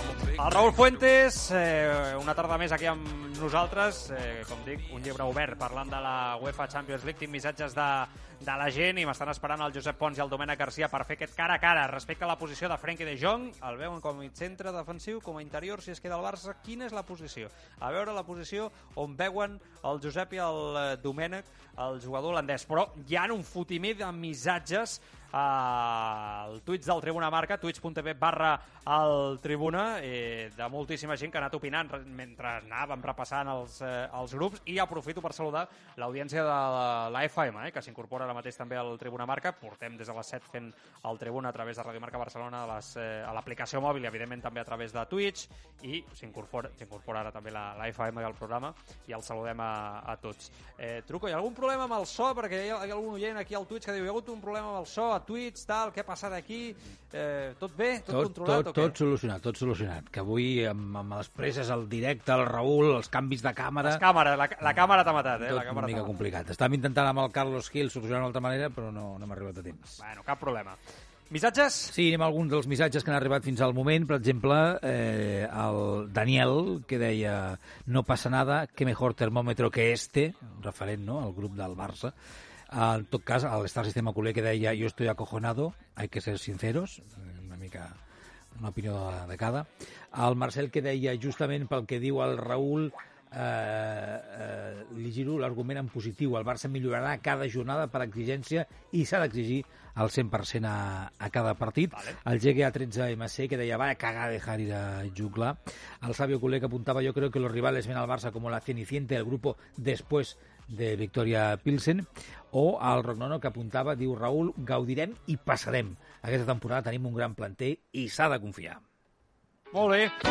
Vinga, doncs eh, seguim amb el Tribuna Marca. A veure, hi ha coses que, que avui a tot el tema Champions eh, ha acabat, evidentment, de protagonitzar no? eh, tota l'actualitat del Barça. Abans de preguntar-los pel tema de De Jong, eh, un Titi s'ha confirmat, ho hem dit a l'inici del programa, però confirmem que avui marxa, eh, ja ha marxat, de fet, cap, al, cap a Itàlia, jugarà cedit al Lecce fins a final de temporada, el Barça li paga tota la fitxa pràcticament i cobrarà una sèrie de variables per si juga uns partits. És el màxim que ha trobat el Barça, mm, és el que hi havia. Eh? I estem pendents d'Aubameyang, de Memphis Depay, a veure què passa amb Frenkie de Jong i, i tot plegat, i a veure si tinc temps i el Domènec i el Josep els hi pregunto alguna coseta també sobre com estan veient la confecció de, de, de l'equip, però el debat és sobre la posició de Frenkie de Jong. Josep, bona tarda, com estàs? M'escoltes bé ara?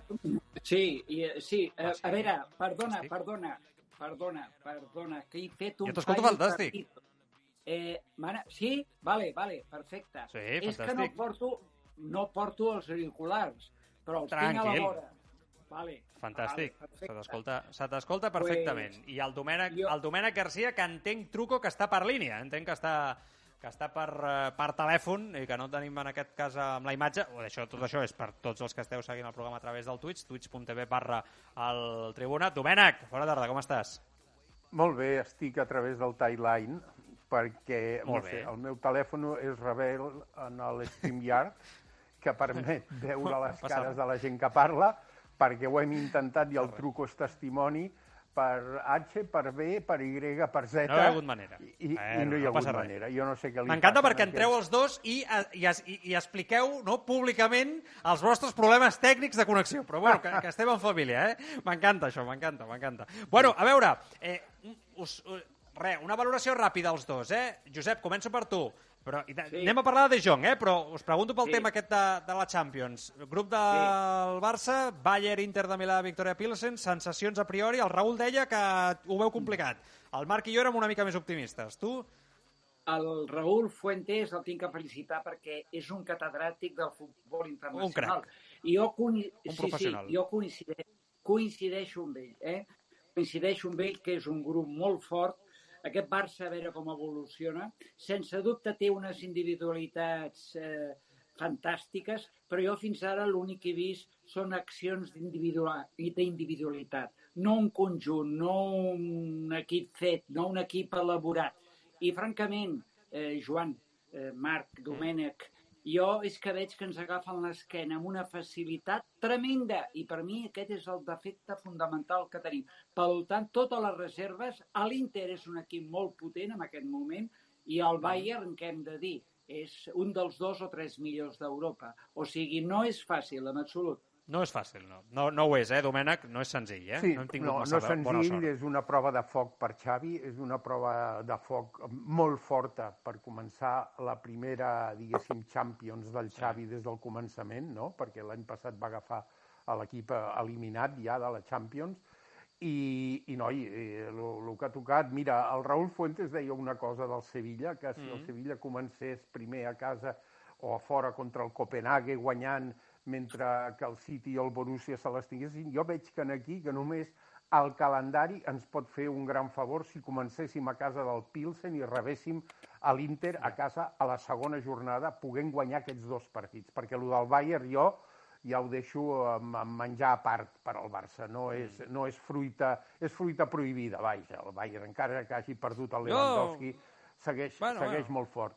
No, no, jo, jo crec que, a més, el Barça ha de jugar la carta de la força física, sobretot amb, amb el Bayern, té de jugar el que sí, eh? tenen de, de jugar un, un centre del camp potent i una defensa mm. molt potent per, per fer front a aquests atletes amb tècnica que són els jugadors del Bayern de Múnich. Jo crec que, vaja, que amb un mm, calendari benèvol com el que he dit, puguem fer sis punts i que empatessin Inter i Bayern a la primera jornada, que això aniria mm. molt bé, seria un cop d'efecte molt important. Però si comencem a casa del Bayern, rebent el l'Inter, i, i fem un punt de 6 a la segona jornada, estem perduts ja.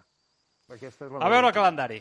A veure el calendari que, que ens depara. Bueno, a veure, que us havíem trucat per fer tota la xerrada, 15 minutets ràpids en aquest cara a cara, sobre la posició de Frenkie de Jong, perquè ho comentàvem amb el Marc, o sigui, és impressionant com, més enllà de si es queda o no, o, o no es queda, perquè jo a priori crec que es quedarà, es veu que el representant ha arribat a Barcelona aquesta, aquesta tarda, però bueno, jo crec que, que tot i que el Barça força, el jugador jo el veig molt ferm amb aquesta idea de quedar-se, i a més que ahir ho va fer bé, l'altre dia també no ho va fer del tot malament, tot i que jo no el veig de, de mig centre, però bueno, ara el Josep escrivirà el seu argument i el Domènec i, i ara ho comentarem, eh? però, però bueno, eh, jo crec que hi ha un debat no? entorn la seva posició. Mm, hi ha molta gent que defensa de forma vehement no?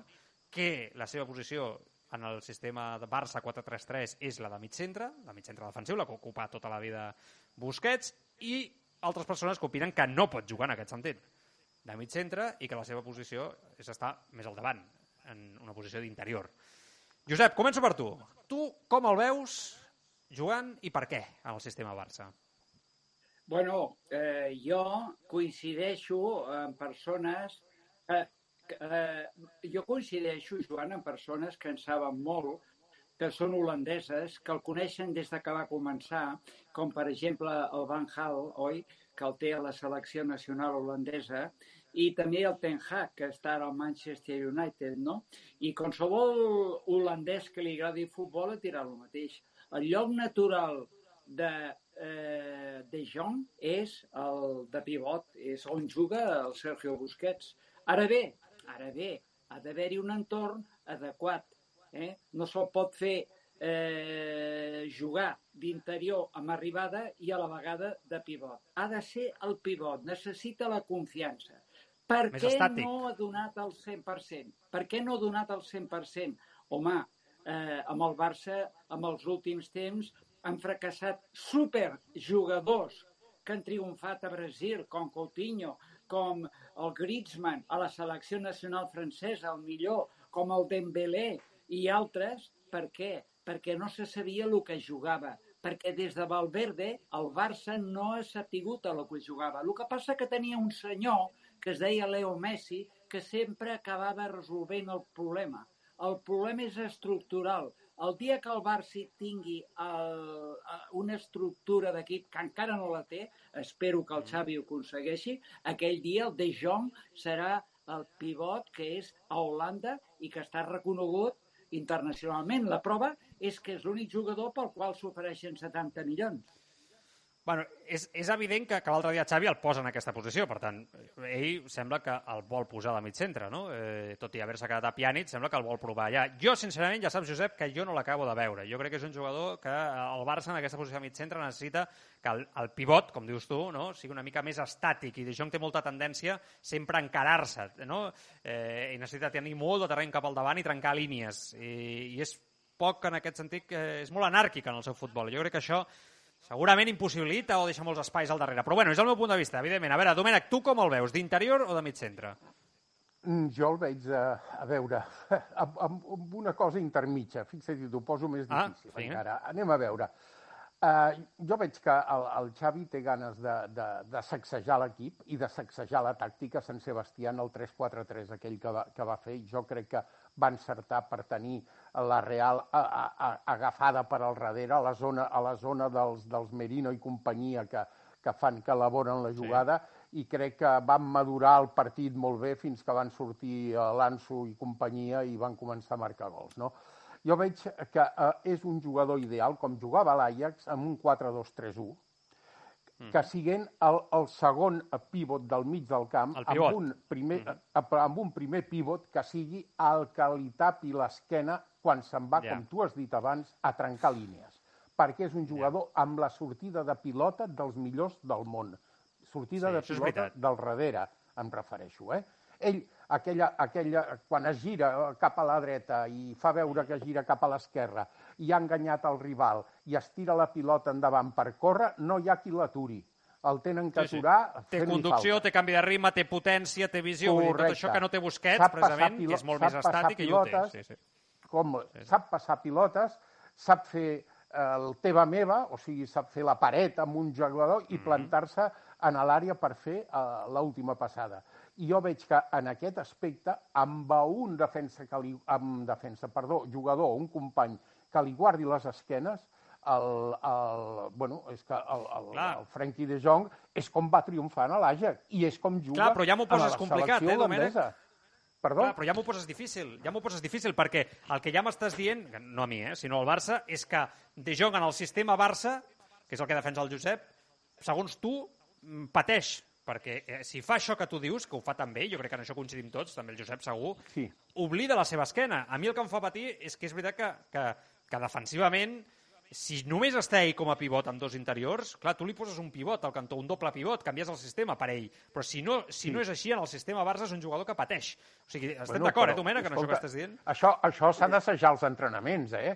Vull dir, això és una cosa que l'entrenador, si opta per Ja, aquest clar. sistema, eh, té de treballar durant tota la setmana com es té de fer aquest sistema i com s'ha de desenvolupar. Com, Però Xavi no com té pinta, dia... eh, Domènec, que vulgui canviar el sistema. Eh, jo, és jo el tema, crec... eh? Bueno, bueno, ja, ja ho veurem, eh? El que no podem és Jo- seguir amb un 4-3-3 amb passes horitzontals durant tota l'estona Exacte. i el teva meva i tot això. A- Això ja està caducat, oxidat i digue-li el que vulguis. Absolutament d'acord amb el Domènec. O evolucionem o estem morts. Ens agafen l'esquena amb una facilitat brutal. Estic totalment d'acord. Recordeu eh, el tàndem que es va inventar el savi eh, del Bosque quan Espanya va quedar campiona del món? Xavi Alonso Aquí, i en Busquets, no? Vols dir? en doble, en doble eh, pivot, eh, el, el, el Javi Alonso i el Busquets. Sí, senyor, efectivament. Eh, si no anem amb una línia definida, ben estructurada, amb un futbol evolucionat, que defensivament siguen sòlids, veiem que la nostra defensa és autènticament, amb tots els respectes, de risa. El dia que juguem contra un equip que tingui gol fàcil, ho veurem o evolucionem, estimat Joan, o estem perduts. Ho tinc claríssim. no, no, vale, ok, us entenc els dos, eh? però no, no ens desviem del debat, que no ho dic per vosaltres, eh? jo Vale, he sigut vale. el primer que ho ha fet. No, no, si jo he sigut el primer, eh? perquè em sembla molt interessant. Però llavors us ho pregunto, perquè clar, vosaltres aposteu per un doble pivot, per canviar el sistema, evolucionar, vale, perfecte, amb això pots estar més o menys d'acord, però si Xavi segueix apostant per un 4-3-3 o amb tres defenses al darrere i un únic pivot, no? com l'altre dia, que va fer com una mena de rombo, però al final continua sent un mig centre no? eh, pel davant de la defensa. Si continua jugant així, Xavi, que jo crec, ja veurem què fa, com diu vosaltres, però jo crec que no canviarà en aquest, en aquest, en aquest, eh, en aquest sistema, jo tampoc li demano, sincerament. Tu, Josep, creus que així De Jong pot arribar a brillar substituint a Busquets? És que jo, jo no ho veig, sincerament. Eh, T'ho pregunto. eh, eh, si no hi ha canvi no, de sistema, no. eh, com dius, No, no. perquè el Domènec ja ha manifestat crec- els seus dubtes, però Joan, tu... Sí, sí, no. Joan, jo, jo crec sincerament que si eh, Xavi és tan previsible amb el sistema tàctic, eh, ho tindrà molt difícil amb els resultats. O sigui, o evoluciona o tindrà molts problemes. Eh, repeteixo, el Pep Guardiola, com sabeu perfectament, Josep, ha evolucionat. Però una cosa, vale, ok, Perdona. però una cosa. Et parlo de De Jong. Si, Sí, si, sí, si sí, no hi ha sí. evolució del sistema, tu creus Sí, que De Jong sí. pot jugar allà? Eh, és que eh, per força necessitarem un De Jong, si no és aquest un altre, i ho veurem. Això sí, clar. Eh, eh, és que eh, eh, el sistema de joc no pot ser tan previsible com és i s'ha de reforçar perquè veiem que la defensa és macrovulnerable. Per tant, el doble pivot s'imposa. El Busquets, aquest any és l'últim, perquè ja dic que se'n va, eh? Amb tota seguretat. Sí, sí. Què farem? Gastarem 120 milions a, amb experiment? Pregunto. No sé, no sé. És veritat que a De Jong li agrada molt mirar el joc de cara, no? Eh, manar la distribució, és veritat que tot això sí que ho fas des d'aquesta posició de mig centre, no? Eh, el que passa és que quan tendeix a trencar línies i anar- anar-se'n cap a dalt, tu imagina que Busquets fes això. És que deixes un forat allà enrere que realment l'equip es desfà sol. Jo, jo, Per jo això- no sé. per- eh, Per això et solo el doble pivot, no? eh, Eh, per, sí, perdona, per això et dic que si deixes eh, la manija, que es diu en castellà, la maneta, Mm. no?, de l'equip en el Frenkie de Jong, construint des de darrere, trencant línies des de darrere, amb aquesta Amb frescura tapi. que, de, que té el, el seu futbol, junt amb els Pedris, amb els Gavis, l'Ansu, el Dembélé, etc etc. jo crec que el Barcelona carburaria molt millor. I a guardar les esquenes el que sigui, o el Busquets, o, sí. o digue-li el que vulguis, que sigui un tio fort, experimentat, capaç, eh, diguéssim, pues, bueno, quan el contractar, que és el contrari, o aprofitant l'absència de De Jong, que li fotessin la pilota i tal, mm. sapigués estar en el seu puesto per tallar el contraatac del contrari. A veure si ens entenem. Sí. Tot això Sí, s'ha de sí. practicar, estem parlant d'una teoria, tot això s'ha d'entrenar, de- perquè amb el 4-3-3 que- de l'any passat és que no anem enlloc. Tu vas veure l'Eintracht de Frankfurt, que no és res en el futbol europeu. Com ens va passar per sobre? És que aquella vergonya, allò va ser molt pitjor que el 2 a 8 de Lisboa, tu, a l'Eintracht de Frankfurt, tu, el sisè de la Lliga, de la Lliga, de la Lliga Alemanya. M'entens? Vull dir, Vale. el Barcelona Ok. ha de sacsejar, el, el, el, Ok, el queda Xavi ha de sacsejar l'equip i donar-li Sí. un altre tono, com va fer el Pep Guardiola quan va arribar en el, en, en el Barça. M'entens? Vale. A la Els banqueta del dos Barça veig que us agrada 8, molt... 8, 9. Els dos, els dos veig que us agrada molt De Jong, moltíssim. O sigui, jo ja ho veig, sí. eh, amb les apreciacions sí. que feu cadascú de vosaltres, però també. veig que us agrada, que us el quedaríeu, no?, en aquest sentit. Però ara us pregunto, I tant. Josep, Bernardo Silva o Frenkie de Jong? Si has d'escollir un pel Barça, d'avui, del Barça d'avui, amb qui et quedes? Eh, bueno, jo sé que el que vol imposar el Xavi eh, és el 4-3-3. Pel 4-3-3 el Bernardo, el Bernardo Silva. Això és indiscutible, Joan. Eh? Jo crec que això és indiscutible, però jo crec sincerament que és un error. Per què? Perquè Pep Guardiola ja no juga el 4-3-3 cada partit. Canvia tàcticament, sorprèn, i, a més, amb el 4-3-3 fixa, no ha aconseguit en 10 anys l'objectiu que era guanyar la Champions, no guanyar la Bundesliga ni la Premier, que això ja es guanyava abans. M'explico? O sigui, eh, mm, si hem de seguir amb el 4-3-3, Bernardo, que hem d'evolucionar, hem de ser menys previsibles, sense dubte De Jong. I una altra cosa, eh? o sigui, ens farà falta un De Jong. Si perdem el De Jong, a part del Bernardo, ens farà falta un De Jong. Ho tinc claríssim. Sí, perquè els Domènec, constructors que Bernardo tenim Silva, a De l'equip... Perdona, els, els constructors que tenim a l'equip, el Pedri, eh, que, que, que, que genera futbol, és evident, no arrenca de tant al darrere com, com fa. Mira, encara que el, el gol de Sant Sebastià, el primer gol, ell el va Sí, fer a dir. Sí, entre aquest quatre sí. a l'àrea. Però bueno, va ser una cosa circumstancial, a veure si ens entenem. Que, entri, que surti de darrere amb la pilota controlada no, no és eh, treball del Pedri. El Pedri és més un treball d'un mitja punta, no pas d'un elaborador de joc des de la primera línia i anar trencant línies fins a arribar a l'àrea contrària, m'entens? Aleshores, jo crec que és un jugador que, per mi, el Frenkie de Jong no té substitut en l'equip. Eh, no sé, no, no, no veig a ningú que pugui fer aquesta No. feina que fa ell. No. O sigui, tu t'agrada més De Tota- Jong Domènec que Bernardo Silva, eh? Per, per Jo el seu sí, perfil. per mi és més brillant i és més, construeix més, és més brillant. És molt bo, ojo, no, no vull menysprear Sí, sí, el Bernardo Silva perquè és un jugadoràs, no? Però per, per aquest estil que necessita el Barça de trencar les línies dels contraris que sempre et juguen replegats i al darrere esperant fer el seu contraatac, eh, jo veig molt més el Frenkie de Jong que no pas el Bernardo Silva, que potser és un Vale. jugador més estàtic.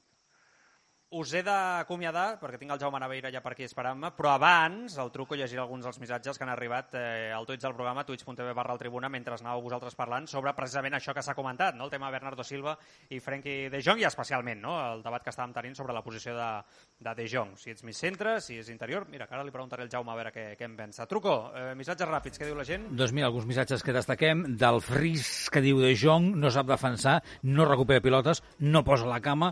El Rui Huaca, que deia, no puede ni debe jugar de pivote, es un top to box, un chupón, un cartero de toda la vida, transporta el balón en conducción, la pasa lento y tarde. Tots són seguidors del, i fans del jugador, eh? I el legendario Messi, que diu, yo creo que con un escudero de Jong y el Barça sería un equipazo. Bueno, alguns dels punts de vista al respecte. Uh, Josep, Domènec, eh, ja, ja veuré com acaba el mercat. La setmana que ve ho comentem, eh, perquè em sembla que això s'ha de moure encara, encara molt i si esteu encara de vacances els últims dies, doncs a gaudir-ho, eh, que això ja, ja s'acaba. Eh? Home, jo Gràcies. estic apalancat en el meu sofà, tu. A les palanques, eh, jo- tu sempre a les palanques. Apalancat totalment, en el meu sofà. Ah, s'ha entès, s'ha entès. S'ha entès, Domènec. Jo també estic, Josep, què? jo també estic També estàs apalancat, i, també? i escoltant el programa cada dia per, en directe o podcast, eh? O sigui, ho Sí, segueixo. estem al podcast. Tenim Sí? molta audiència amb el, Sí, tema del, amb el tema del podcast i ho agraïm molt. Josep, cuida't, una abraçada, eh? Anem parlant. I, igualment, amics, gràcies, una abraçada. Adéu-siau. Domènec, apalancat. Acaba d'apalancar-te A la propera. Molt bé. Adéu. Vinga, adéu-siau. Amb les palanques famoses d'aquest estiu. Mira, tinc per aquí el Jaume, company. Jaume, què tal? Bona tarda. Què tal, Joan? Bona tarda. Vacances ja o...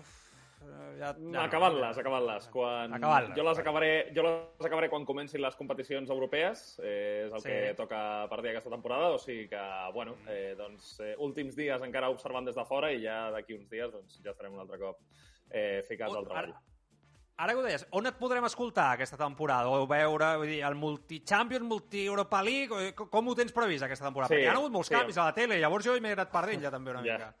Sí, en principi els, els dos espais, a Movistar Liga de, de Ah, Campeones, o sigui que allà hi serem. Els, els caps de setmana ja no, perquè com deies hi ha hagut canvis, eh, però, Clar. però vaja, entre setmana competició europea sí. Fantàstic. Doncs allà estarem, eh, com sempre, fidels a la cita. Per cert, ja que estàvem amb el tema de Frenkie de Jong, tu com el veus, d'interior o, de, o de mig centre?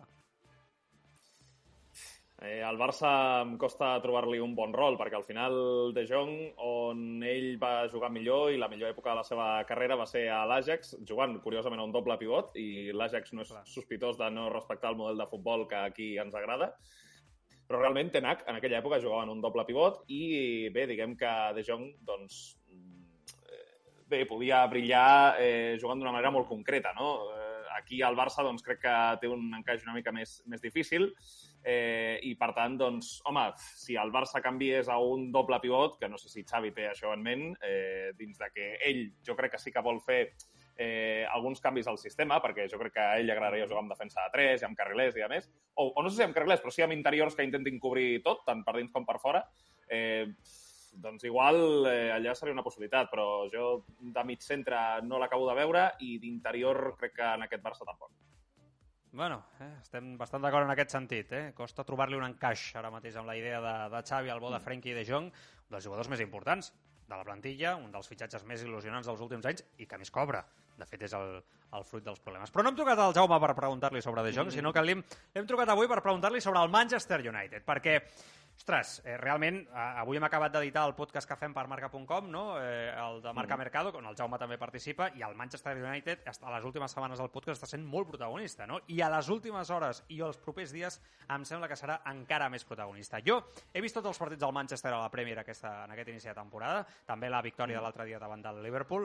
Eh, hem passat del no-res a una victòria davant del Liverpool i, i sincerament, és una mica caos absolut. I jo l'altre dia em preguntava, però què vol fer Ten Hag, no? Perquè fitxes a Casemiro quan tot l'estiu has volut a De Jong, s'han vist gols on l'equip ha quedat... Mm, sincerament, francament poc treballat, no? sobretot amb la sortida de pilota, eh, i dic, ostres, ara entenc per què vol anar precisament a Frenkie de Jong, eh, però dic, què vol? Vol, vol fer un Ajax, eh, Ten Hag? Eh, vol recuperar una essència més competitiva potser del United? És un club absolutament de bojos. I dic, vaig a preguntar-li al Jaume, que sap molt més que nosaltres al respecte.